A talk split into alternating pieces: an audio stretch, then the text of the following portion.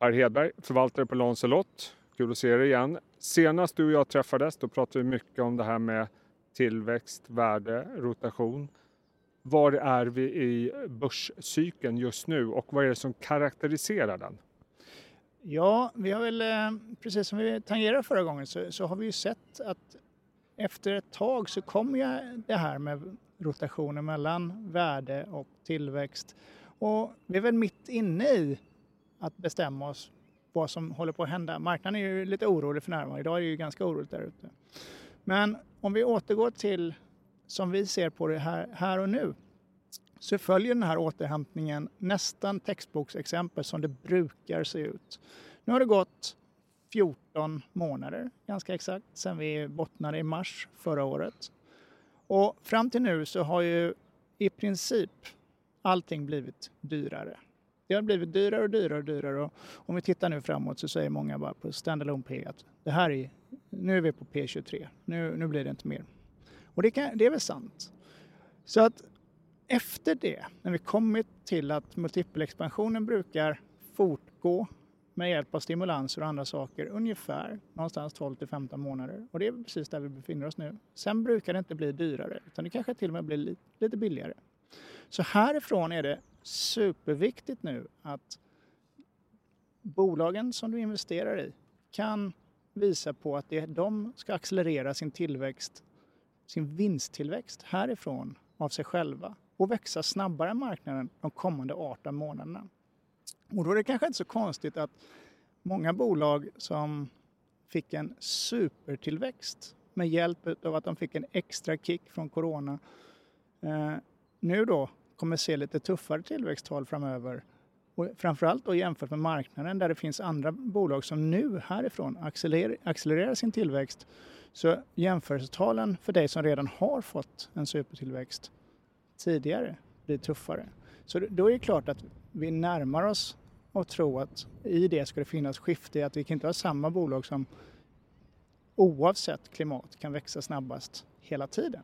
Så vi står inför ett visst skifte. Jag tror att man ska vara väldigt noggrann med att härifrån hitta de bolagen som kan accelerera sin tillväxt när vi nu tar oss ur pandemin, när ekonomin går starkt, räntorna stiger marginellt och i den miljön med hjälp av lite prisökningar, med hjälp av lite volymökningar har en stabil men accelererande topline och kan dra nytta av det genom att öka sin bottomline-tillväxt. Enkelt förklarat, så härifrån gäller det att växa sin vinst snabbare än marknaden. En retorisk fråga då, då. Eh, går det att hitta aktier där förväntningarna är på en accelererande vinsttillväxt samtidigt som värderingarna är relativt sett låga? Absolut, eh, absolut gör det det. Och det gäller bara att våga kanske tänka lite outside the box och försöka se, sätta en grundtro till vad tror du ska hända i marknaden. Vår grundtro är ganska enkel härifrån. Vi, vi tror att med det som har hänt, med alla stimulanser som har varit, med, med låga räntor, eh, QE-program och finanspolitiska stimulanser, att skäl att tro att vi ska ha en viss inflation som ökar, prisökningar som kommer, kommer leda till gradvis stigande räntor härifrån, att den miljön kommer göra att vi har en stark ekonomisk tillväxt framöver och att det är bolag som kan ta nytta av det här, där vi nu faktiskt ser att det har en del eftersatta investeringar och du kan ta nytta av lite prisökningar så ska du se att inom de sektorerna så kommer det finnas bra möjligheter. Och eh, när du och jag pratade om det här igår så eh, hänvisar du till vad du kallar för dragspelsteorin. Är det det det här går ut på? Ja, om vi, om vi bara tar exempel då. då. Eh, vi tar ett par exempel utifrån vår fond, hur vi har sett på det här.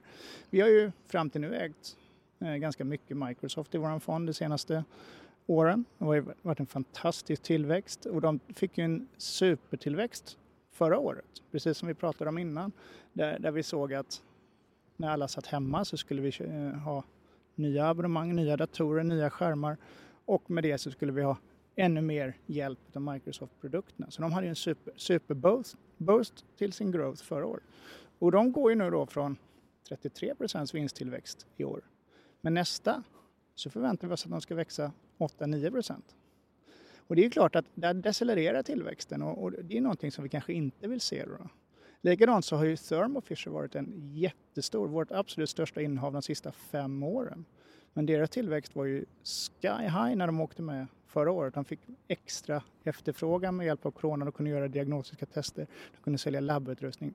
Och de kommer nu då i 18 månaders tid framöver kanske ha negativ tillväxt. Vi vet att underliggande eh, grundbusinessen är, sund och att de kommer fortsätta växa. Men jämförelsetalen är fortfarande negativa, så det kanske vi inte äger lika mycket av nu då. Istället har vi försökt titta framåt och se vad kan man äga som ska dra nytta av det här. Och om man jämför förra året när alla satt hemma och inte krävde någon service utan vi skulle bara ha tv-spel och vi skulle ha skärmar och appar. Så är det kanske så att det finns sådana som kan erbjuda en service som vi inte har kunnat uppleva framöver som kommer få extra tillväxt. De som kan tillverka någonting med prisökning som kan få extra tillväxt. Så att med andra ord så gäller det att hitta bolag som är på den änden av dragspelet som dras ut nu efter corona. Om man titt- ja. Din del av dragspelet dras ut medan Microsoft och Thermo Fishers, de, deras komprimeras i dragspelet nu då. Så där har vi kanske minskat lite. Även om det är grundpositioner på långsiktiga vinnare så har vi dragit ner dem ganska mycket då. Så om vi, om vi utgår då ifrån det här, eh, att man ska vara på den änden av dragspelet där vinsterna förväntas accelerera i en miljö där räntorna stiger och även inflationen tolkar det som. Eh, om vi tittar på några exempel av sådana bolag då. då. Eh, jag menar, sjukvård har vi pratat om. Det är, en sektor som varit väldigt tudelad under den här pandemin. Tydliga vinnare, tydliga förlorare. Hur gör ni där? Eh, där har vi, precis som jag mm, eh, tangerade initialt där, där har ju diagnostikutrustning varit det som, som har sålts, för det har efterfrågats. Men vi har inte kunnat genomföra någon typ av operationer.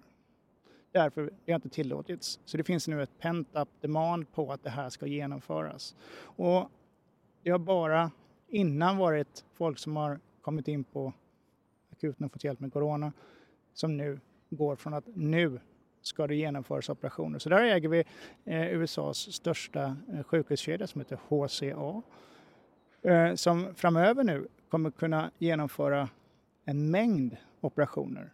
Kommer inte, folk kommer inte i samma takt söka sig till akutsjukvården utan nu kan de genomföra hela den här backloggen utav operationer och det är det de kan ta betalt för. Och om de gör det här rätt så kommer deras tillväxt accelerera väldigt bra härifrån. Så det är ett av våra största innehav för närvarande. Och, det är också... gått väldigt bra i år. Ja, den har ju gått bra, men, men, men samtidigt så känns det som den här vårdskulden är ingenting man löser på en, ett halvår, utan det känns som det är en tillväxt eller en strukturell tillväxt vi kommer få leva med ganska länge. Håller du med? Absolut. Och jag menar, om vi då går tillbaka till det här, vad är dyrt och vad är inte dyrt? Men här betalar vi P14, 15 för ett bolag då som ska växa snabbare än börsen nästa år. Och om vi då betalar P23 för börsen som växer 9% nästa år. Det är väl en ganska bra eh, erbjudande.